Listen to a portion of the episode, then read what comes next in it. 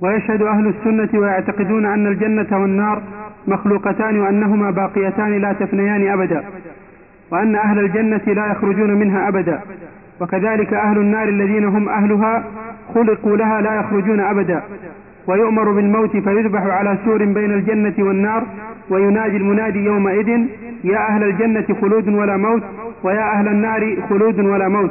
على ما ورد به الخبر الصحيح عن رسول الله صلى الله عليه وسلم. نعم في البخاري وغيره. طيب هذا أيضا في مسألة وجود الجنة والنار وخلودهما. فمذهب أهل السنة والجماعة أن الجنة والنار مخلوقتان الآن. ومذهبهم أيضا أن الجنة والنار باقيتان. أهل الجنة باقون فيها أبد الآباد وأهل النار أيضا باقون مخلدون فيها أبد الآباد وتخليد أهل الجنة وتخليد أهل النار إنما دليله أدلة الأدلة من كتاب الله تعالى ومن سنة رسوله صلى الله عليه وسلم. خلافا للجهم بن صفوان. الجهم بن صفوان من البدع الشنيعة التي أتى بها قوله إن الجنة والنار تفنيان وبعض المعتزلة مثل أبي الهذيل العلاف أحد المعتزلة يقول إن الذي يفنى حركات أهل الجنة والنار. ونسب إلى ابن القيم وابن تيمية رحمه الله تعالى قول بفناء النار. أما الجنة فلم آه، ينسب إليهم إلا ما وافق أهل السنة والجماعة في هذه المسألة. وهذا الذي نسب إليهما لعله لم يثبت عنهما. فإنهما أوردا وذكرا خاصة ابن القيم رحمه الله تعالى في كتبهم لكنهم لم يجزموا فيها برأي كما زعم البعض أنهم يقولون بها. وقد ألفت في ذلك عدد من الكتب تبين هذه الحقيقة.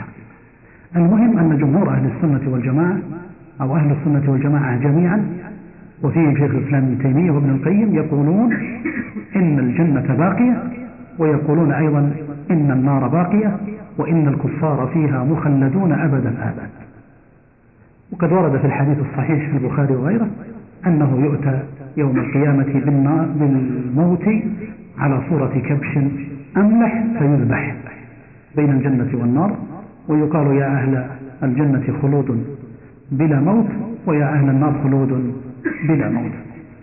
نسأل الله الجنة ونعوذ به من النار. نعم. ومن مذهب أهل, ومن مذهب أهل الحديث أن الإيمان قول وعمل ومعرفة يزيد بالطاعة وينقص بالمعصية.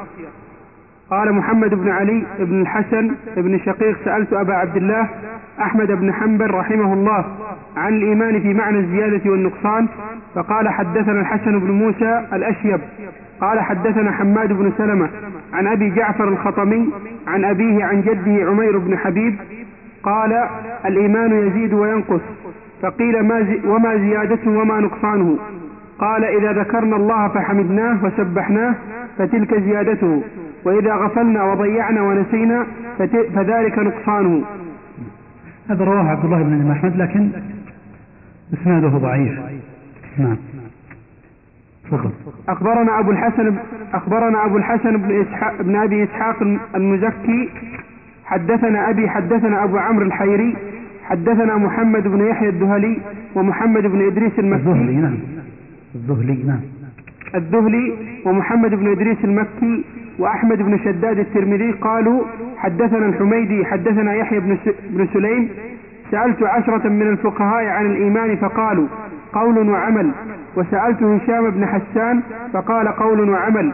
وسألت ابن جريج فقال قول وعمل. وسألت سفيان الثوري فقال قول وعمل. وسألت المثنى بن الصباح فقال قول وعمل. وسألت محمد بن مسلم الطائفي فقال قول وعمل. وسألت فضيل فقال قول وعمل. وسألت نافع بن عمر الجمحي فقال قول وعمل. وسألت سفيان بن عيينة فقال قول وعمل. طبعا سقط واحد منها. وسألت المثنى بن الصباح فقال قول وعمل. وجدتموه؟ الرابع. بعده وسألت محمد بن عبد الله بن عمرو بن عثمان فقال قول وعمل فقال قول وعمل. نعم. ها؟ أعيده. وسألت محمد بن عبد الله بن عمرو بن عثمان فقال قول وعمل. ومحمد بن عبد الله بن عمرو هو الأموي الإمام الحافظ. نعم. وأخبرنا أبو عمرو الحيري حدثنا محمد بن يحيى ومحمد بن إدريس سمعت الحميدي يقول سمعت سفيان بن عيينة يقول الإيمان قول وعمل يزيد وينقص. فقال له أخوه إبراهيم بن عيينة يا أبا محمد تقول ينقص؟ فقال اسكت يا صبي بل ينقص حتى لا يبقى منه شيء. طيب. أكمل نعم. وقال الوليد بن مسلم سمعت الأوزاعي ومالكا وسعيد بن عبد العزيز ينكرون على من يقول إقرار بلا عمل ويقولون لا إيمان إلا بعمل. قلت فمن كانت طاعاته وحسناته أكثر فإنه أكمل إيمانا. ومن كان قليل الطاعة كثير المعصيات والغفلة والإضاعة فإيمانه ناقص. طيب هذا الكلام كله في مسألة زيادة الإيمان ونقصانه. ومسألة السؤال عن زيادة الإيمان ونقصانه لم يرد فيها حديث صحيح. فما أورده من رواية في ذلك فهي رواية ضعيفة. إنما الثابت عن عدد من الأئمة رحمهم الله تعالى أن الإيمان عندهم قول وعمل واعتقاد يزيد وينقص. وأحيانا يعبرون بمثل قولهم الإيمان قول وعمل وهذا للرد على المرجئة. وهذا ثابت عن عدد كبير من الأئمة رحمهم الله تعالى. وما أورده هنا عن جمهرة منهم ما هو إلا عدد محدود مما ذكر من الأئمة الكثر الذين تواتر عنهم القول بأن الإيمان قول وعمل يزيد بالطاعة وينقص بالمعصية. فهاتان قضيتان. الأولى منهما أن الإيمان قول واعتقاد وعمل. فمذهب أهل السنة والجماعة أن الإيمان يشمل هذه الأمور الثلاثة. القول وهو النطق باللسان والاعتقاد ويكون بالقلب والعمل ويكون أيضا بعمل القلوب وأعمال الجوارح. كذلك أيضا من عقيدة أهل السنة والجماعة أن الإيمان يزيد وينقص. وكل من قال إن الإيمان يدخل فيه العمل فإنه يقول بزيادته ونقصانه. مع أن أهل السنة والجماعة لا يقصرون الزيادة والنقصان بالعمل فقط وإنما عندهم حتى تصديق القلب وحتى عمل القلب. تصديق القلب وعمله من إخلاصه وتوكله وغير ذلك وكذلك أيضا أعمال الجوارح كلها من الأعمال التي يزيد بها يزيد بها الإيمان أو ينقص. وهذا مذهب أهل السنة والجماعة في هذه المسألة. خالفهم في هذا المرجئة. الذين يقولون طبعا واختلفت بهم مقالاتهم الإيمان قول مثل قول الكرامية قول باللسان فقط أو يقولون الإيمان هو المعرفة مثل الجهمية أو يقولون الإيمان هو التصديق مثل عند كثير من الماتريدية والأشعرية أو يقولون إن الإيمان هو قول واعتقاد فقط كما هو مذهب أبي حنيفة ومن تبعه من مرجئة الفقهاء. هؤلاء كلهم خالفوا أهل السنة والجماعة في تعريف الإيمان. ومن ثم قالوا جميعا إن الإيمان لا يزيد ولا ينقص. قالوا الإيمان مثل الباب لما تكون دخلت باب المسجد إما أن تكون داخل المسجد أو خارج المسجد. وهؤلاء قاسوا الأمر المشاهد على الأمر الغيبي. الأمر المشاهد لما نشوف نحن جميعا الشمس طالعة كلنا نصدق أن الشمس طالعة. وتصديقنا بطلوعها واحد. لكن الخبر الغيبي لا نتفاوت فيه. حسب ثقة الخبر حسب حسب صحة الخبر حسب ثقة المخبر حسب معرفتنا بالمخبر. فقد نصدق خبرا ونكذب آخر. كذلك أيضا بالنسبة للمؤمنين يتفاوتون في إيمانهم لأن أغلب ما يتعلق بالإيمان هو من باب المغيبات. الله غيب وأسماؤه وصفاته غيب والرسل السابقون غيب وإنزال القرآن غيب وكذلك أيضا ما أخبر الله به عما سيأتي مثل يوم القيامة والجنة والنار كل ذلك غيب. فالناس يتفاوتون في إيمانهم بهذه المغيبات. فالقول بأن إيمان الناس واحد وأن تصديقهم واحد قول غير صحيح كما يقول به المرجئة. قد تسألون وتقولون ما هو مذهب الخوارج والمعتزلة؟ نقول الخوارج والمعتزلة يعرفونه مثل تعريف أهل السنة. يقول الإيمان قول وعمل واعتقاد. لكن الخوارج والمعتزلة عندهم إذا نقص شيء من هذه الأمور يكفر صاحبه فلو نقص جانب من العمل أو أتى بكبيرة في باب العمل فعندهم أنه كافر خارج عن دائرة الإسلام. أي أنهم جعلوا الأعمال شرطا في الأساس جعلوا كل عمل شرطا للإيمان. بينما أهل السنة والجماعة فصلوا في هذه المسائل فجعلوا من الأعمال ما هو أساس ينتقض الإيمان بانتقاضه وجعلوا منها ما هو من باب الواجبات أو من باب استكمال الإيمان لكن نقصه لا ينقض الإيمان بالكلية. ولذا قالوا مرتكب الكبيرة المعروفة كشرب الخمر ونحوها لا يكفر وإنما يكون يوم القيامة تحت مشيئة الله. أما الخوارج فلأنهم جعلوا العمل كله جزءا من الإيمان فعندهم أن مرتكب الكبيرة مثلا كشرب الخمر يكون عندهم خارجا عن دائرة الإسلام. نعم. وسمعت الحاكم أبا عبد الله الحافظ يقول سمعت أبا بكر محمد بن أحمد بن باكوي الحلاب يقول سمعت أبا بكر محمد بن إسحاق بن, بن خزيمة يقول سمعت أحمد بن سعيد الرباطي يقول قال لي عبد الله بن طاهر يا أحمد إنكم تبغضون هؤلاء القوم جهلا وأنا أبغضهم عن معرفة. أولا أنهم لا يرون للسلطان طاعة. لا إن أولا إن أول أمرهم أنهم لا يرون للسلطان طاعة. إن أول أمرهم أنهم لا يرون للسلطان طاعة. من هم القوم؟ هم المرجئة. هم المرجئة. كما في بعض الروايات الأخرى الكتب الأخرى التي ذكرت هذه القصة. ذكروا أنه قصد المرجئة وأنا أبغضهم عن معرفة إن أول أمرهم أنهم لا يرون للسلطان طاعة. نعم والثاني؟ والثاني أنه ليس للإيمان عندهم قدر. والله لا أستجيز أن أقول إيماني كإيمان يحيى بن, بن يحيى ولا, كإيمان ولا كإيمان أحمد بن حنبل وهم يقولون إيماننا كإيمان جبريل وميكائيل. نعم. وهذا الكلام لعبد الله بن طاهر لما تكلم مع أحمد بن سعيد الرباطي رحم الله الجميع يقول له أنتم تبغضون هؤلاء جهلا. يعني تبغضونهم لأنهم مخالف لأهل السنة بدون تفصيل ومعنى قوله جهلا أي أنكم لا تعرفون حقيقة مذهبهم. ويقول أما أنا فأبغضهم فأبغضهم عن معرفة. ثم ذكر من أمورهم. أن أول أمرهم أنهم لا يرون للسلطان طاعة. لماذا؟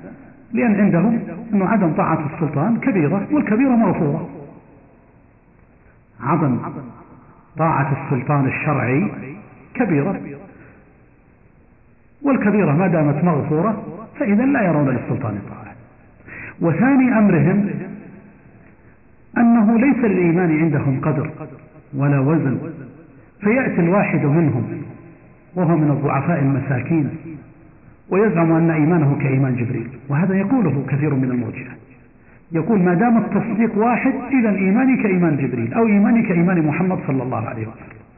عبد الله بن طاهر يقول أنا والله لا أقول إيماني كإيمان أحمد بن حنبل أو غيره من الأئمة لأنني أعرف أن هؤلاء أعلم مني وأفضل وأكثر ثقة. فكيف أجزم وأقول إيماني كإيمان محمد أو كإيمان أبي بكر الصديق أو عمر بن الخطاب؟ وهذا مقتضاه أن أهل السنة والجماعة كما يقول آه، هذا الأمير عبد الله بن طاهر وأيضا العالم الذي تناقش وياه حول هذه المسألة أو تكلم وياه حول هذه المسألة هذا يدل على مذهب أهل السنة والجماعة في تفاوت الإيمان. وأن المؤمنين يتفاوتون وليس إيمانهم واحدا بل فيهم من هو إيمانه قوي يزيد ويرتفع بصاحبه وفيهم من هو إيمانه ناقص. ومعلوم أن الإيمان لا يثبت على حالة واحدة. إما أن تعمل الطاعات فيزداد أو أن تقصر بفعل المعاصي أو ترك الواجبات فينقص الإيمان. وهذا أيضا مما هو مستقر في مذهب أهل السنة والجماعة. نعم. وسمعت أبا جعفر محمد بن صالح بن هانئ يقول سمعت أبا بكر محمد قبلها وسمعت الحاكم يقول سمعت أبا جعفر. لما لا يمكن يقول أبو عثمان سمعت أبا جعفر. نعم. وسمعت الحاكم يقول سمعت أبا جعفر. نعم. سمعت أبا بكر محمد بن شعيب يقول سمعت إسحاق بن إبراهيم الحنظلي يقول قدم ابن المبارك الري. نعم. فقام إليه رجل من العباد. الظن أنه يذهب مذهب الخوارج. فقال له يا أبا عبد الرحمن ما تقول في من يزني ويسرق ويشرب الخمر؟ قال لا أخرجه من الإيمان. فقال يا أبا عبد الرحمن على كبر السن صرت مرجئا؟ قال لا لا تقبلنا المرجئة. لا تقبلني المرجئة. نعم. تقول حسناتنا مقبولة وسيئات قال لا تقبلني المرجئة. المرجئة تقول عشان تستقيم العبارة. قال لا تقبلني المرجئة. المرجئة تقول نعم. المرجئة تقول حسناتنا مقبولة وسيئاتنا مغفورة. ولو علمت أني قبلت مني حسنة لشهدت أني في الجنة. ثم ذكر عن ابن شوذب ثم ذكر. عن ابن شوذب عن محمد بن جحادة عن سلمة ابن ابن كهيل عن عن هزيل بن شرحبيل. قال قال عمر بن الخطاب رضي الله عنه لو وزن إيمان أبي بكر بإيمان أهل الأرض لرجح. هذه المسألة أيضا يذكر فيها قصة ابن المبارك حينما قدم الري في بلاد خراسان إحدى مدن خراسان المشهورة. قام إليه رجل من العباد الظن به أنه يذهب مذهب الخوارج. لم يجزم وهذا من أدبهم. فاستنتج بعد القصة أنه ربما يذهب مذهب الخوارج. والخوارج طائفة معروفة تقوم عقيدتهم على عدد من الأشياء ذكرنا منها قبل قليل حكمهم على مرتكب الكبيرة بأنه كافر ومن ثم كفروا عصاة المسلمين. هذا أبرز ما في مذهبهم. والمتأخرون من الخوارج كالإباضية وغيرهم عقيدتهم هي عقيدة المعتزلة حتى في مسائل الإيمان والصفات والقدر والرؤية وغيرها. فهم قريبون جدا من المعتزلة. وأقرب ما يجمعهم مع المعتزلة مسألة الحكم على مرتكب الكبيرة مسائل الإيمان والحكم على مرتكب الكبيرة لأنهم كما قلنا يتفقون على أنهم مخلدون في النار. فهذا الرجل من الخوارج أو الذي يظن به أنه من الخوارج قال لابن المبارك رحمه الله تعالى يا أبا عبد الرحمن ما تقول في من يزني ويسرق ويشرب الخمر؟ ما حكمه؟ فقال لا أخرجه من الإيمان. لا أقول إنه كافر ولا أخرجه من الإيمان. وإنما أقول هو تحت مشيئة الله. إن شاء عذبه وإن شاء غفر له. وفي الدنيا هو مؤمن. مؤمن فاسق مؤمن ناقص الإيمان لكنني لا أخرجه من الإيمان. فقال له يا أبا عبد الرحمن على كبر السن صرت مرجئا؟ لأن الخوارج يعتبرون المرجئة وأهل السنة عندهم كلهم مرجئة. مقابل الوعيدية عندهم المرجئة. فعندهم أن أهل السنة والجماعة لأنهم لا يخلدون مرتكب الكبيرة في النار عندهم أنهم مرجئة. فيقول لهذا الإمام العالم الزاهد الفاضل يقول له بعد أن كبر سنك صرت من المرجئة؟ فقال له لا تقبلني المرجئة. وهذا فهم منه عميق ودقيق. أن مذهب أهل السنة والجماعة ليس مذهب الخوارج ولا مذهب المرجئة. قال له المرجئة لا تقبل. ما هو دليلك على أن المرجئة لا تقبل؟ قال المرجئة تقول حسناتنا مقبولة وسيئاتنا مغفورة كما ذكرنا لكم قبل قليل. ولو علمت أني قبلت مني حسنة لشهدت أني في الجنة. لشهدت أني في الجنة. وهذه العبارة قد يقولها بعض أئمة السلف رحمه الله تعالى بناء على أن الله سبحانه وتعالى إنما يتقبل من من المتقين. لكن هو لا يجزم. وليس هناك أحد من أهل السنة والجماعة يستطيع أن يجزم بأنه قد قبلت منه حسنة حتى يقال إنها تكفر كل سيئة. بل المؤمنون يعملون الصالحات ويرجون ثواب الله تبارك وتعالى وإذا عملوا كبيرة أو وقعوا في شيء منها فإنهم يخافون العقوبة من الله تبارك وتعالى. وهذا كما ذكرت لكم قبل قليل هو ما دل عليه قولنا الوعيد المجمل الفارق بين أهل السنة والجماعة والمرجئة. ما أدري واضحة المسألة ولا ما واضحة؟ واضحة؟ نعم. ثم ذكر الحديث المروي إلى عمر بن الخطاب رضي الله عنه لو وزن إيمان أبي بكر بإيمان أهل الأرض لرجح وهذا صحيح إلى عمر بن الخطاب رضي الله عن الجميع. فأبو بكر الصديق رضي الله عنه وأرضاه كان له من الإيمان وثقله ما يفوق من بعده من الصحابة وهو رحمه الله تعالى كانت له المواقف العظيمة التي اهتز أمامها كبار الرجال وثبت رضي الله عنه وأرضاه. هذا أبو بكر. وإن موقفا من مواقف أبي بكر الصديق رضي الله عنه وأرضاه ليدل على منزلة هذا الخليفة الراشد وعلى أن اختيار رسول الله صلى الله عليه وسلم له وقوله إشارة منه وإيماء للصحابة أن يبايعوه من بعده على أن ذلك كان عن علم ومعرفة بالرجال عليه الصلاة والسلام. فهو الذي أوصى بأن يصلي عنه وهو الذي قال يا أبا الله والمسلمون إلا أبا بكر.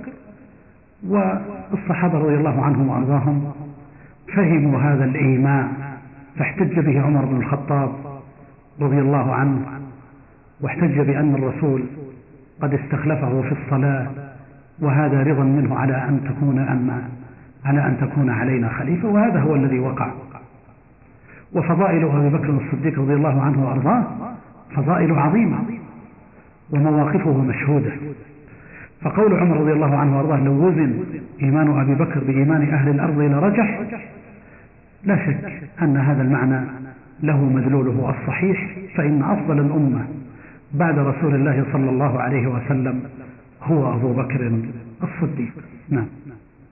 سمعت أبا بكر محمد بن عبد الله بن محمد بن زكريا الشيباني يقول سمعت يحيى بن منصور القاضي يقول سمعت محمد بن, بن إسحاق بن أبي خزيمة يقول ابن خزيمة ابن خزيمة؟ نعم. يقول سمعت الحسين بن حرب أخا أحمد بن حرب الزاهد يقول أشهد أن دين أحمد بن حرب الذي يدين الله به أن الإيمان قول وعمل يزيد وينقص. نعم وهذا واضح. يعني قول موافق لأهل السنة والجماعة. نعم. ويعتقد أهل السنة أن المؤمن وإن أذنب ذنوبا كثيرة صغائر كانت صغائر كانت أو أو كبائر فإنه لا يكفر بها. وإن خرج من الدنيا غير تائب منها ومات على التوحيد والإخلاص فإن أمره إلى الله عز وجل. نعم. فإن أمره إلى الله عز وجل. إن شاء عفى عنه وأدخله الجنة يوم القيامة سالما غانما. غير مبتلا بالنار ولا معاقب على ما ارتكبه من الذنوب واكتسبه ثم استصحبه إلى يوم القيامة من الآثام والأوزار وإن شاء عاقبه وعذبه مدة بعذاب النار. وإذا عذبه لم يخلده فيها لم يخلده نعم. لم يخلده فيها بل أعتقه وأخرجه منها إلى نعيم دار القرار. وهذا الذي ذكرناه قبل قليل. كلام واضح تماما يبين منهاج أهل السنة والجماعة في أهل الكبائر. ومهما ارتكب من الذنوب ما دامت كبائر وما دام لم يرتكب ناقضا من نواقض الإسلام فإن هذه الكبائر يكون أصحابها يوم القيامة تحت مشيئة الله. قد يعفى وترجح يعفى عنه وترجح حسناته فلا يبتلى بالنار ولا يعذب بها وقد يعذب بها لكنه لا يخلد بل يخرج منها. نعم. وكان شيخنا الإمام أبو الطيب سهل بن محمد الصعلوكي رحمه الله يقول المؤمن المذنب وإن عذب بالنار فإنه لا يلقى فيها إلقاء الكفار ولا يبقى فيها بقاء الكفار ولا يشقى فيها شقاء الكفار. نعم. للفرق بين المؤمنين والكفار. ولذا قال بعض العلماء إن عذاب أهل التوحيد ليس كعذاب الكفار ليس كعذاب الكفار في النار. وبعضهم قال هناك نار للكفار ونار للموحدين وقالوا إن النار طبقات فالطبقات العليا منها للموحدين والطبقات السفلى منها للكفار. وكل ذلك يجمعه هذه القاعدة وهي أن عذابهم ليس كعذاب الكفار. وأبرز ما فيه مسألة الخلود. فخلود الكفار ثابت. أما المؤمنون فإنهم لا يخلدون بل يخرجون من النار ولو مكثوا في النار زمنا طويلا. نعم. ومعنى ذلك أن الكافر يسحب على وجهه إلى النار ويلقى فيها منكوسا في السلاسل والأغلال والأنكال الثقال. والمؤمن المذنب إذا ابتلي في النار فإنه يدخل النار كما يدخل المجرم في الدنيا السجن على, على الرجل من غير إلقاء وتنكيس ومعنى قوله لا يلقى في النار إلقاء الكفار أن الكافر يحرق بدنه كله وكلما نضج جلده بدل جلدا غيره ليذوق العذاب كما بينه الله في كتابه في قوله تعالى إن الذين كفروا بآياتنا سوف نصليهم نارا كلما نضجت جلودهم بدلنا جلودا غيرها ليذوقوا العذاب. بدلناهم صحح بدلناهم نعم. وأما المؤمنون فلا تلفح وجوههم النار ولا تحرق أعضاء السجود منهم. إذ حرم الله على النار أعضاء سجوده. نعم كما في البخاري ومسلم. نعم أكمل أيضا شرح معنى عباراته. ومعنى قوله ولا يبقى في النار بقاء الكفار أن الكافر يخلد فيها ولا يخرج, ولا, ولا يخرج منها أبدا. ولا يخلد الله من مذنب المؤمنين في النار أحدا. ومعنى قوله لا يشقى بالنار شقاء الكفار أن الكفار ييأسون فيها من رحمة الله ولا يرجون راحة ولا يرجون راحة بحال. وأما المؤمنون فلا ينقطع طمعهم من رحمة الله في كل حال. وعاقبة المؤمنين كلهم الجنة. عاقبة المؤمنين كلهم. وعاقبة المؤمنين كلهم الجنة لأنهم خلقوا لها وخلقت لهم فضلا من الله ومنه. وهذا الذي ذكره بالنسبة للتفصيل هو على العموم صحيح لكن في بعض تفاصيله لا دليل عليه. في مسألة الإلقاء في النار أو السحب أو غير ذلك نعم لم يرد دليل تفصيلي على ذلك. لكن مثلا ما ذكر من أن مواضع السجود لا تأكلها النار هذا ثابت في البخاري وغيره أن أولئك الذين يخرجون من النار وقد وجدوا فحما إلا مواضع السجود لم تأكلها النار. لكن لا شك أن تعذيب الكفار ليس كتعذيب المؤمن وهذا في الجملة. أما أن ندخل مفصلين لذلك ونقول هذا يسحب وهذا لا يسحب ونحو ذلك فهذا يحتاج إلى دليل مستقل. عندنا أدلة أن, أن الكفار يسحبون في النار على وجوههم ونحو ذلك. لكن المؤمنون ليس عندنا دليل على تفصيل كيفية دخولهم النار.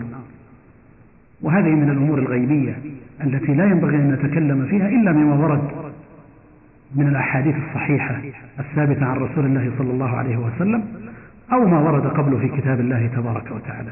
لكن في الجملة المعنى صحيح وهو أن تعذيب الكفار ليس كتعذيب المؤمنين. نعم.